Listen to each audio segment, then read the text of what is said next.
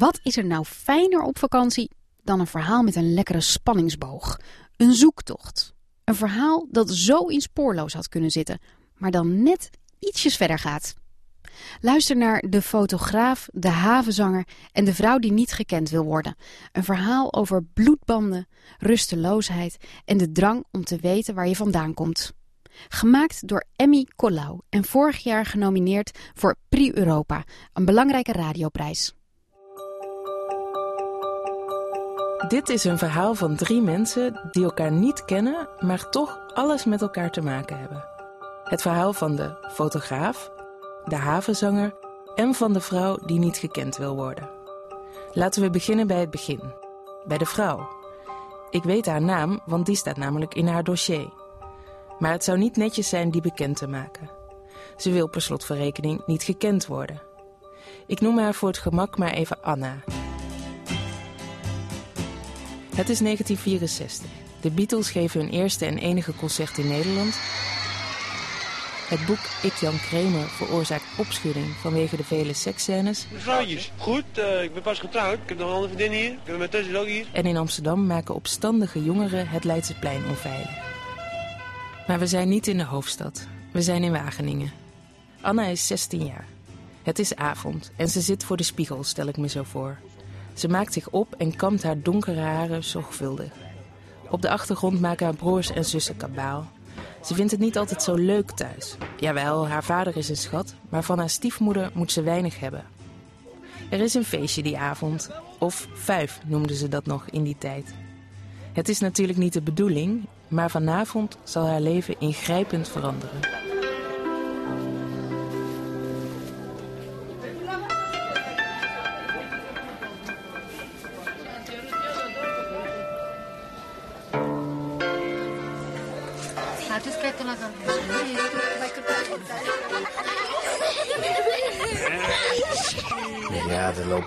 Lopen uh, kinderen varkens op te jagen, gewoon op straat. Dit is 48 jaar na die bewuste vijf. De fotograaf. Zijn naam is Peter van Beek. En dan zit je even koffie te drinken in een café en dan komt er iemand binnen die pakt een trompet en die begint muziek te maken. De afgelopen tien jaar fotografeerde en filmde hij als een bezetene Roma en Sinti in heel Europa. Als je dan naar buiten loopt, dan loop je dus bijvoorbeeld een bruiloft tegemoet. En intussen komt er een huifkar langs met ganzen en, en, en magere honden erachter gebonden. En tien meter verderop ligt een dronken Roma. Ja, zo rol je van het een het ander. Hij vertelt erover in zijn huis in Den Haag. Waar we worden omringd door tekeningen van zijn kinderen en foto's van kleurig geklede zigeuners met vegen op de wangen en heldere ogen.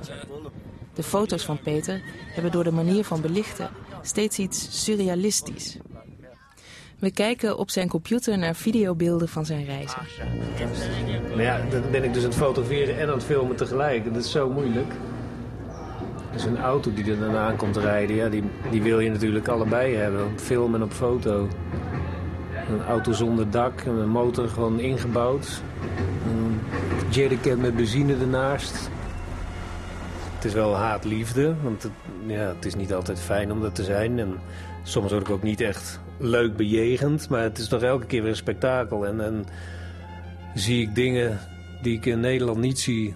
En is het zo'n bizarre wereld die ik daar ontmoet. waardoor ik toch elke keer weer terug wil. Dat avontuur roept. Waarom voel je je nou zo thuis hier? Het is zo moeilijk te omschrijven waarom. Ik weet het zelf niet zo goed. Het zit in mijn genen, denk ik. Voor die genen moeten we terug naar 1964. Op het vijfje ontmoet Anna Hugo. Hij is een muzikant en een stuk ouder dan zij. 30 misschien wel. Hij is niet heel groot, maar wel knap om te zien. Misschien had hij toen al die lange, volle baard. Hij spreekt Anna aan en ze praten en lachen.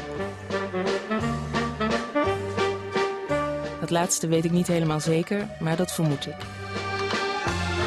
Heb jij zin om te dansen? Om de geleedheid te dansen? Anna en Hugo maken een wandelingetje. Dat is wel zeker, want zo staat het in het dossier. Niet veel later ontdekt Anna dat ze zwanger is. In juni 1965 wordt Peter geboren. Kijk, dit kan mijn moeder zijn, die vrouw op de fiets. Een jaar of 60, 65. En dit is niet de straat. is altijd weer even uitzoeken waar ik moet zijn. Maar ik ben er ook pas twee keer geweest. Op zoek naar mijn moeder. Wanneer was de laatste keer? De laatste keer was vorige week. Terug in Wageningen in februari 2014. We rijden door een jaren 70 wijk. Het is ijskoud en het miezert. De ruitenwissers van de oude rode charisma van Peter Pieper. Kijk, die vrouw kan het ook zijn, hè, die nu langs fietst. Kan maar zo. Rechts afslaan. Daarna links afslaan. Rechts, links. Ja,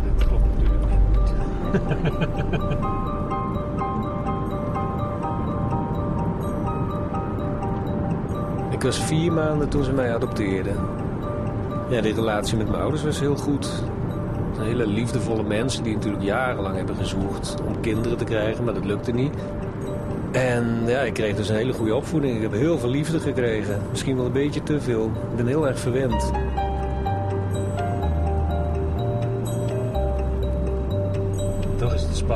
Kijk, we zijn echt om de hoek. 250 meter nog. Ja, 250 meter van mijn moeder verwijderd. Na 48 jaar. Ja, wat heb je eraan? Wat denk je dat ze aan het doen is op zo'n regenachtige middag? Ik denk dat ze de libellen zitten lezen of zo. Misschien de Gelderlander. Ja, ik weet niet wat ze aan het doen is. Misschien pas wel op de kleinkinderen. Je weet het niet. Ze heeft drie kinderen.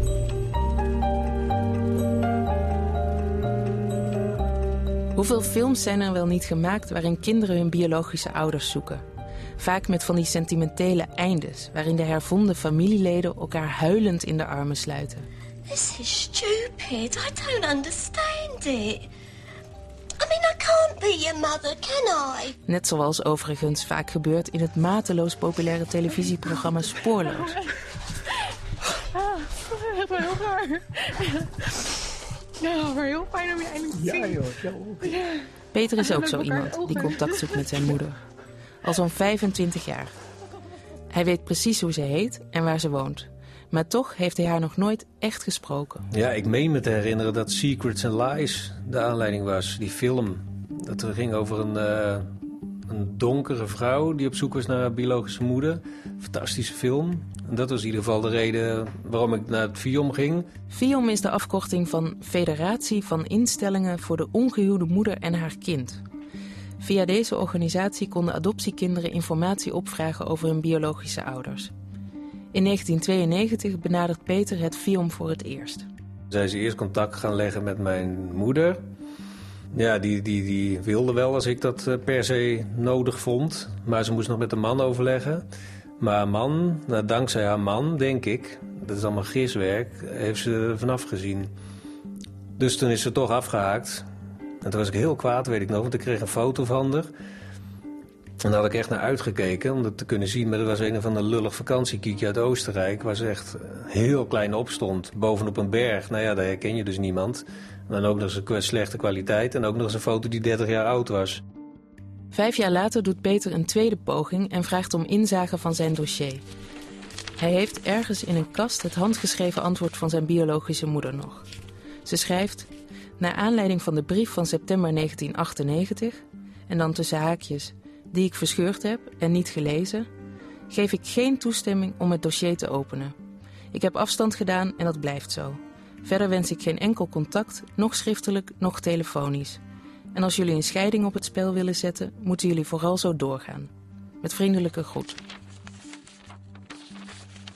Uiteindelijk besluit de Raad van de Kinderbescherming dat het belang van Peter zwaarder weegt dan dat van Anna. En hij krijgt toch het dossier in handen. Dat was heel indrukwekkend. Want er stonden 30 pagina's informatie die ik niet kende. En ineens zag ik haar naam en, en ja, kon ik lezen hoe oud ze was. En, en nou ja, ik las natuurlijk al die dingen, wat voor type zij was vroeger. En waar ze werkte en, en hoe het verging. Hoe, nou ja, gewoon hoe zij met die zwangerschap omging. En haar ouders, dat haar vader gescheiden was en hertrouwd was. En hoe haar stiefmoeder was. En de, de leuke en de nare dingen las ik. Het alles stond in het dossier. 27 juli 1965. Met de verwekker had moeder maar heel kort contact. Na een vijfje raakte ze in verwachting. Toen ze het hem vertelde, verklaarde hij zich meteen bereid om haar financieel te helpen. Ze voelden beiden niet voor een huwelijk. Moeder voelde zichzelf te jong. Vanaf het begin van de zwangerschap had moeder het plan om afstand te doen. En omdat ze het kind ook niet thuis wilde hebben, daar er altijd ruzie was. Ja, dan, eh, dat heb ik inmiddels wel dertig keer gelezen, dat hele dossier. Ineens zie ik me weer zitten inderdaad, bij dat eh Viom. Die vrouw die even wegliep. Kreeg nog een kop koffie inderdaad. Maar... Ja, dat is zo mooi. Ja, dat deed me zo sterk denken aan dat Secrets and Lies. Die vrouw die zat ook ineens in zo'n kamertje... met het dossier, met een beeld van haar moeder... Ja, alleen dat, dat liep heel goed af, geloof ik, dat verhaal. Maar tot nu toe is het bij mij niet zo goed afgelopen. Maar er is nog steeds tijd. Nou ja, op een gegeven moment heb ik wel gebeld. Dat is natuurlijk ook al een enorme stap. En dat leverde eigenlijk niks op, want ze was heel kil. Want je bent er goed terecht gekomen, zei ze. En eh, nee hoor, ik heb, eh, ik heb geen zin om, de, om dit allemaal weer door te gaan. Het is allemaal gebeurd en eh, het is goed zo tweede afwijzing, dat is natuurlijk heel naar. Als je allemaal volwassen bent en als je zo dicht bij elkaar bent dat je elkaar aan de telefoon hebt... en dan krijg je gewoon weer hetzelfde verhaaltje te horen. Als haar reactie destijds op papier. Van, eh, nou ja, het is toch goed zo, je, bent, je hebt ouders en eh, nee hoor. Ja, ik weet nog dat ze dat zo zei, nee hoor, ik wil er niks mee te maken hebben. En toen hing ze op. Uit het dossier. De bevalling die moeder bij familie W in Heerde aflegde, verliep vrij vlot. Maar was voor deze tengere moeder erg zwaar. De baby woog 8 pond. Moeder zag de baby niet en informeerde er ook niet naar of het een jongen of een meisje was. Wij brachten de baby na de geboorte meteen over naar Huizen Welkom te Arnhem. Moeder hoopt na ongeveer 14 dagen weer naar huis te gaan.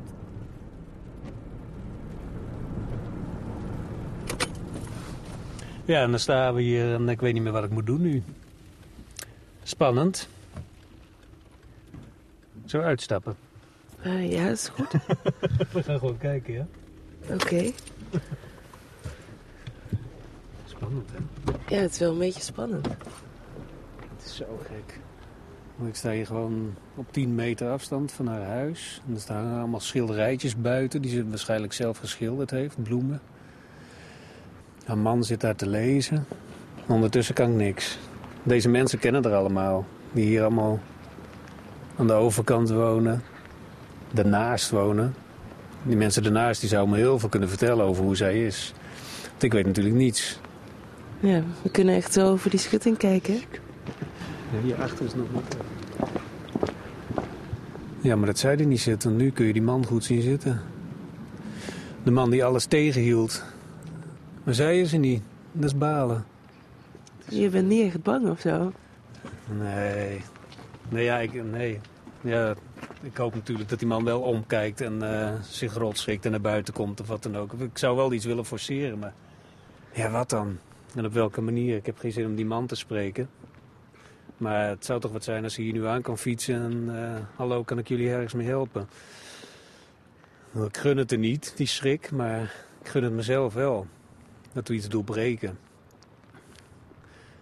Ja. wat zou je dan zeggen? Hier nu ter plekke in de regen en ze stapt nu af.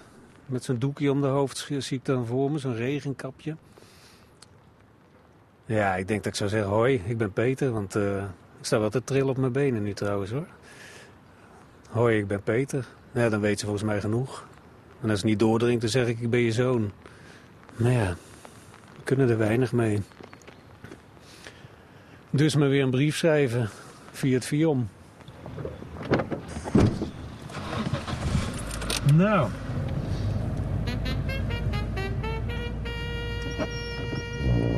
Genoeg over de moeder voor even. Hoog tijd om die derde persoon van dit verhaal te introduceren. Hugo, de vader, de havenzanger. In het dossier staat dit over hem. Verwekker is een 30-jarige ongehuwde man. Hij woont reeds jaren op kamers. Van beroep is hij autospuiter. In zijn vrije tijd neemt hij muzieklessen en speelt hij mee in een muziekband. Mijn vader was muzikant, die speelde saxofoon en accordeon. Die heeft gespeeld met Tata Mirando.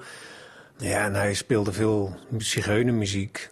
En hij kende die families. Acht jaar geleden ontmoette ik hem en toen kwam ik ook achter dat hij de oprichter van de havenzangers is. Dus ik ben gelijk op zoek gegaan naar al die oude LP's en dan zie ik dan mijn vader opstaan met een saxofoon in zijn hand.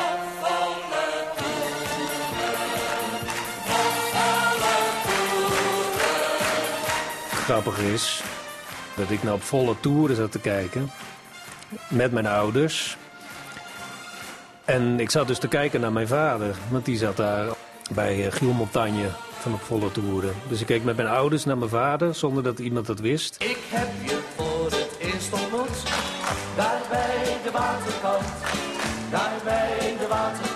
De havenzangers, onvergetelijk geworden door carnavalskrakers als S'nachts na tweeën en Trouw niet voor je veertig bent, je moet ervan houden.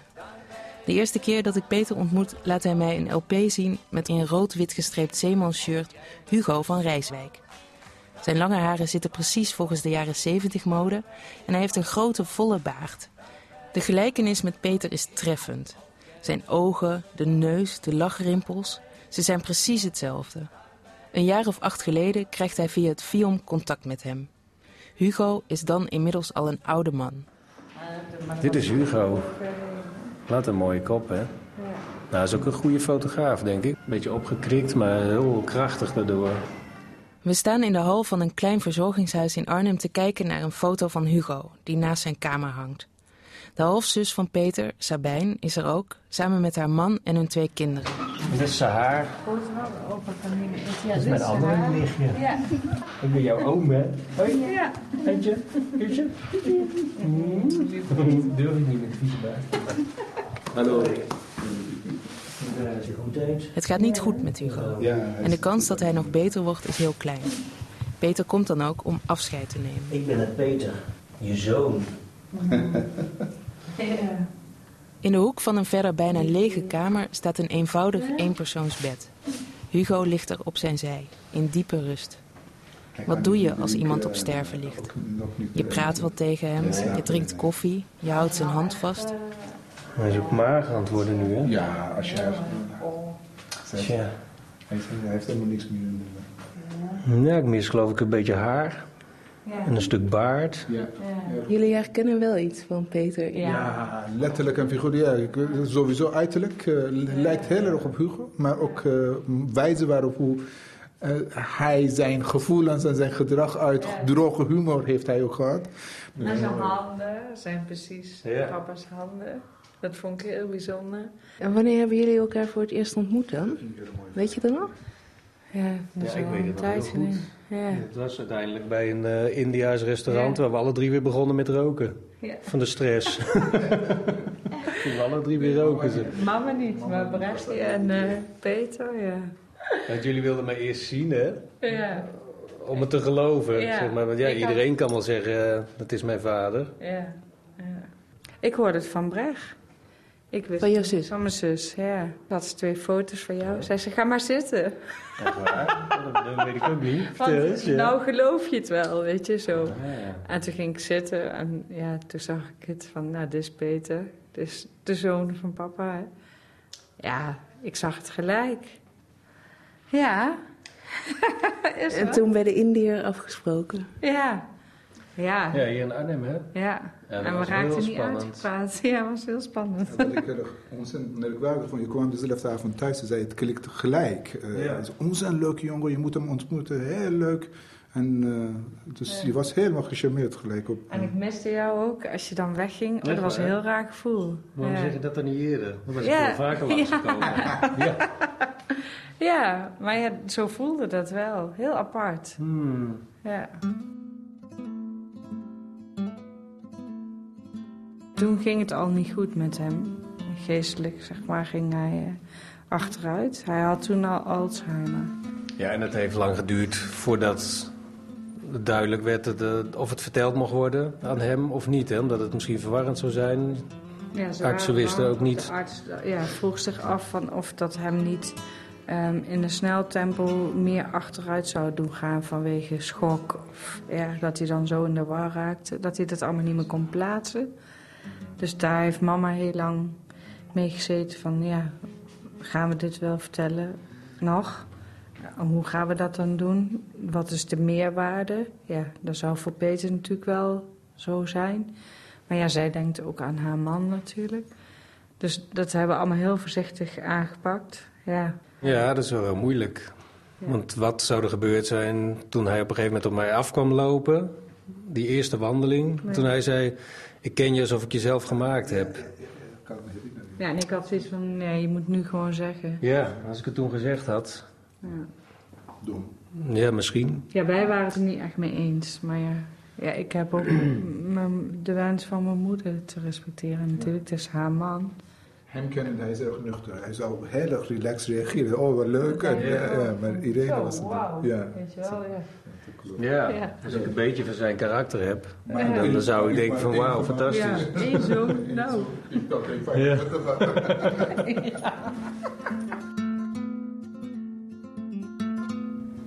Ja. Ik zou een goed gesprek willen hebben met je. Ja, jammer dan, hè? Ja. Iets meer dan een week later overlijdt Hugo.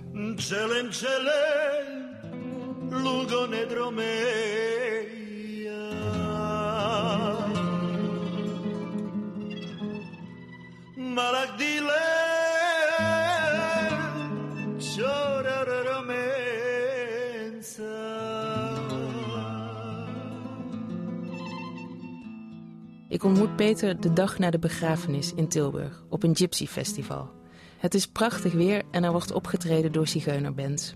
Er zijn opvallend veel vrouwen met lange rokken en mannen met hoedjes met veren. In een kraampje staat Peter zijn boek The Good, The Bad and the Roma te verkopen. Nou, ik wil jou even een deal doen, want we hadden zo'n boek gekocht. En zij komt een eigenlijk... uh, eh, mentaliteit komt er even bij hoor.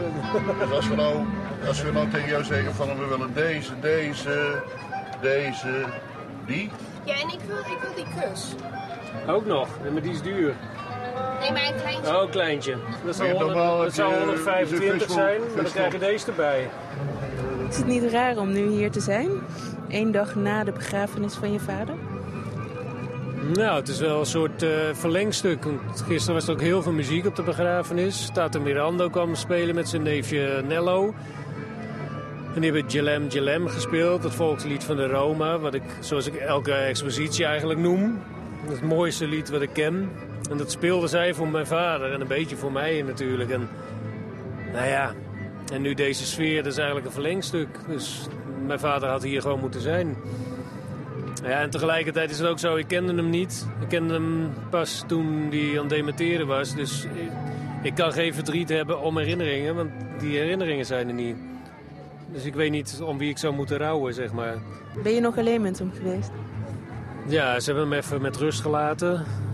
Toen heb ik mijn filmcamera neergezet en ik heb hem eh, verteld wat ik wilde vertellen. Hij keek naar me. Praten kon hij natuurlijk niet, maar... Ja, daar reageerde er wel op. Dat was een heel bijzonder moment. Want ik heb eindelijk kunnen vertellen dat ik zijn zoon ben en hoe ik daarover denk. En ja, dat was wel een mooi samen zijn. Heb je daar dan ook iets aan nu? Nee, ik heb er helemaal niets aan.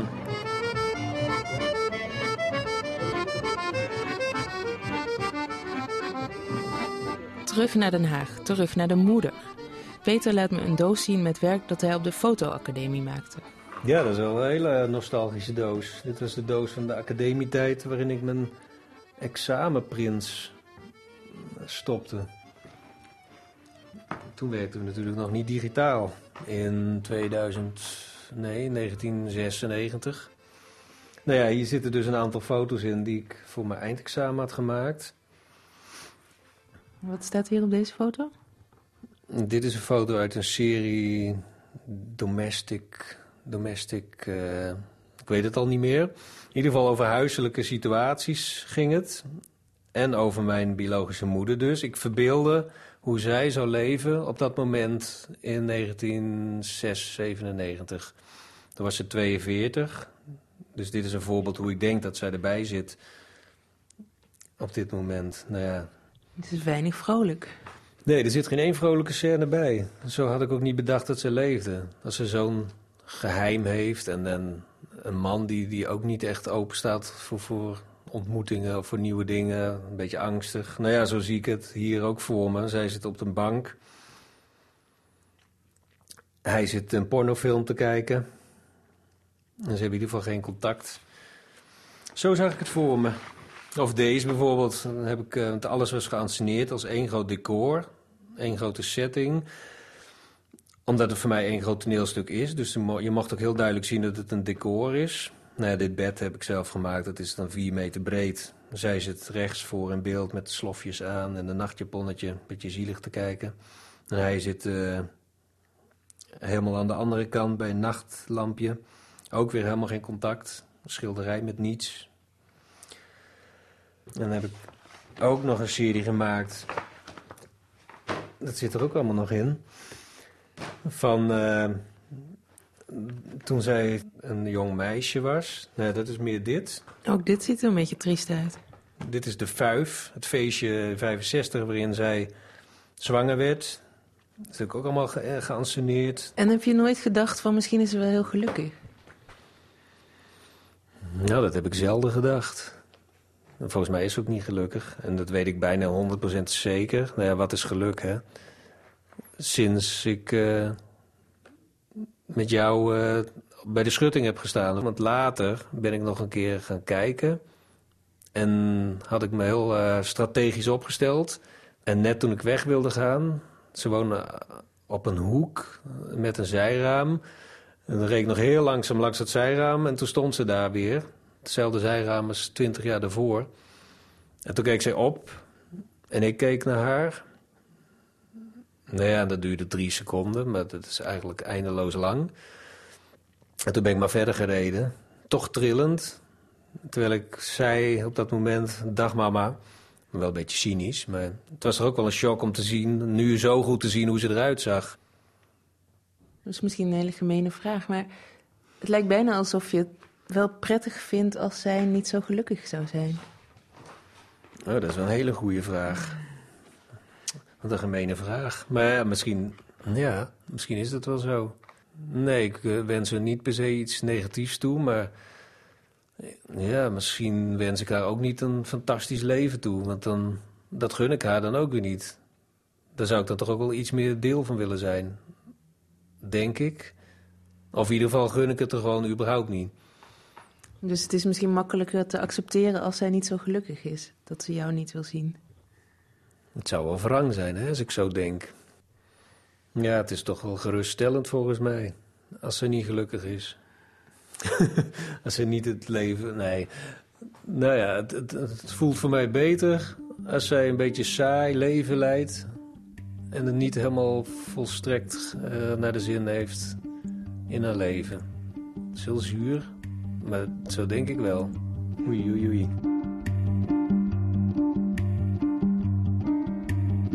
In juni vorig jaar, als we dit opnemen, ben ik zelf hoogzwanger. Ik denk vaak aan Anna als het 16-jarige meisje.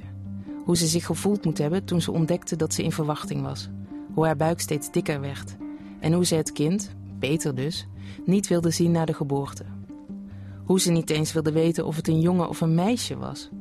Ik kan me niet voorstellen dat ze nu niet nog af en toe aan Peter denkt. Maar waarom wil ze dan geen contact met hem? Ik vraag Peter wat hij nou eigenlijk van een ontmoeting verwacht. Ja, ook daar heb ik heel vaak over nagedacht natuurlijk. En de ene keer denk ik dat het echt een oplossing is voor mijn, mijn onrust, die ik wel heb. En de andere kant denk ik, of andere keren denk ik dat het helemaal niets oplevert. En waar ik ook wel een beetje bang voor ben, is dat het weer een teleurstelling wordt natuurlijk. Maar ja, ook dat weet ik niet helemaal zeker. Misschien heb ik er wel vrede mee dan. Maar ja, het feit dat dat continu door mijn hoofd maalt... van- is een reden om me wel een keer te forceren, dat contact. En ik vind ook dat zij daar gewoon aan moet geloven een keer. Dat is zo makkelijk om dat via de telefoon af te wijzen. Via een brief van via om af te wijzen. Ja, een keer moet je denken eh, dat het klaar is en dat het... Of dat het klaar is, dat het dus echt moet gaan gebeuren juist. En dan denk ik, of zou ik denken, als ik een, een moeder was, dat dat kind er absoluut recht op heeft. Alle moeders die ik spreek, die, die beamen dat. En die zeggen ook allemaal, ze zal ongetwijfeld heel vaak aan je denken en ermee bezig zijn. En zo niet, ja, dan is het ook eh reddeloos verloren, denk ik. als ze dat nu nog steeds heeft kunnen verdringen, of weer en weer en weer heeft kunnen verdringen, dan, dan is het ook eh, onhaalbaar. Dan moet ik het gewoon laten rusten. En met mijn eigen gezin en mijn eigen leven verder gaan.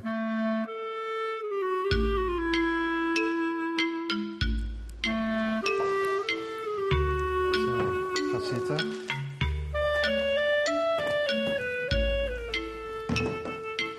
Peter heeft een afspraak bij het Vion in Den Bosch. Hij wil nog één laatste poging wagen tot contact. Voordat het FIOM de procedure in gang zet, is er een gesprek met een maatschappelijk werker... die toevallig dezelfde achternaam draagt als Peter, Jeen van Beek. Blijkbaar, want dat is ook de reden waarom dat je hier bent... is de zoektocht naar je biologische moeder. Of in elk geval de wens om met haar in contact te komen. Dus blijkbaar zit die behoefte zit bij jou diep. Ja. Ja, mijn gevoel zegt dat ik gewoon wil weten wie mijn moeder is, wie mij op de aarde heeft gezet.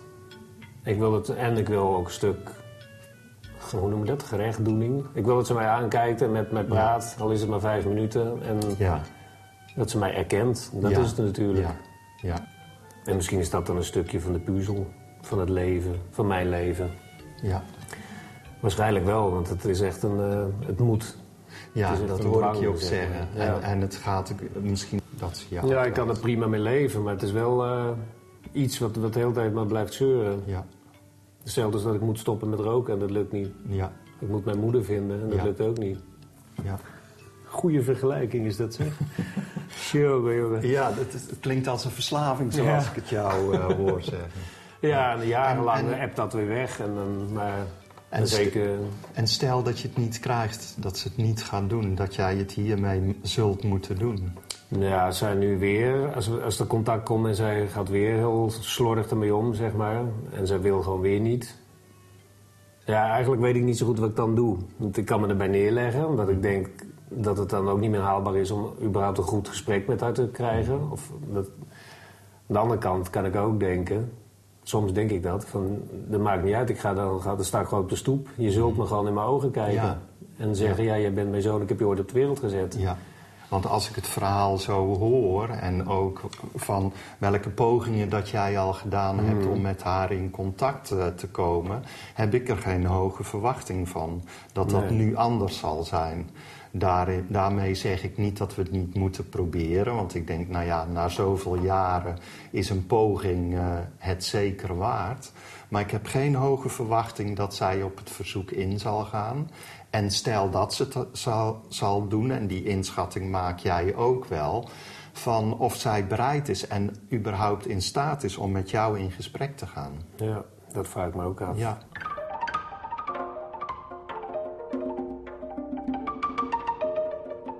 Met Jane van Beek spreekt Peter af toch weer een brief te schrijven.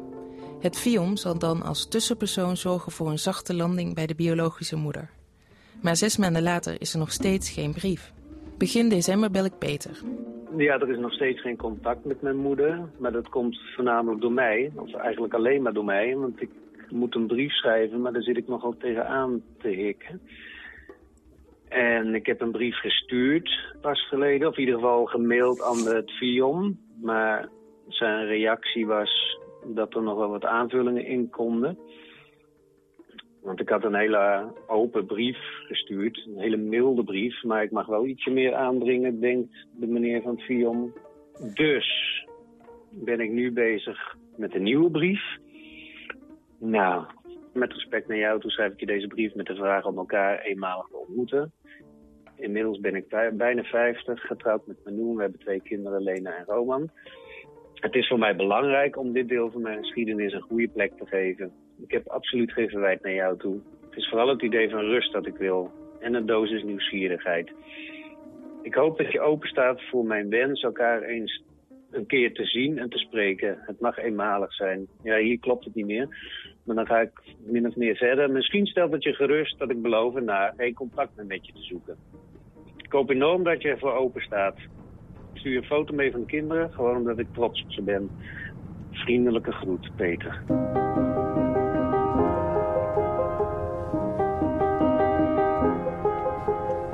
Ik heb afgesproken met Peter in zijn huis in Den Haag. Ik heb hem aan de telefoon nog niet durven vragen of zijn biologische moeder al geantwoord heeft. Een tijdje terug vroeg hij me op welk einde ik eigenlijk hoopte. Welk verhaal het mooiste zou uitkomen voor de documentaire. Ik houd stiekem wel van sentimentele happy endings. En hoop dat Peter net zo'n mooie en onwaarschijnlijke relatie met zijn moeder opbouwt als de zwarte dochter met de witte moeder in Secrets and Lies. Ik klop aan. Komt erin. Dankjewel. Hallo. Nee. Koffie? Nou, lekker. Of heb je liever thee? Koffie. Ja. Ik was eigenlijk benieuwd hoe het met je was. Ik zat in de auto hier naartoe en ik was bijna een beetje zenuwachtig. Ik durf bijna niet te vragen, maar heb je iets gehoord van je biologische moeder? Nee, ik heb nog niks gehoord. Ja, dat had ik je wel laten weten, ja. Nee, ik heb niks gehoord en eh, ik verwacht het niet, maar ik hoop het nog steeds wel. Maar ja, ja, dat is weinig hoop. Ik hoop toch dat ze nog reageert. Want het is nu drie weken geleden, denk ik. Ja. Dus ze heeft al eh, twee weken na kunnen denken. Nee. Ja, het blijft afwachten. Nog een week of een jaar of tien jaar. Moest wel, wanneer was het? Twee weken geleden naar Vorden. Dat is helemaal bij de Duitse grens ergens. Een opdracht. En toen ben ik er bij Ede-Wageningen even afgegaan. Ben ik natuurlijk weer daar op de hoek gestaan bij het huis. En zij stond weer voor het zijraam. Dus ik ben er weer heel langzaam langs gereden. Dus we hebben elkaar weer aangekeken. Dus eigenlijk kennen we elkaar bijna. Het is al de tweede keer nu. Ja, en zij keek weer zo'n drie seconden. Ja, en ik denk dat ze mij wel herkent zo langzamerhand. De stalker. maar nu zag ik ook wel eh, beter dat ik op haar lijk.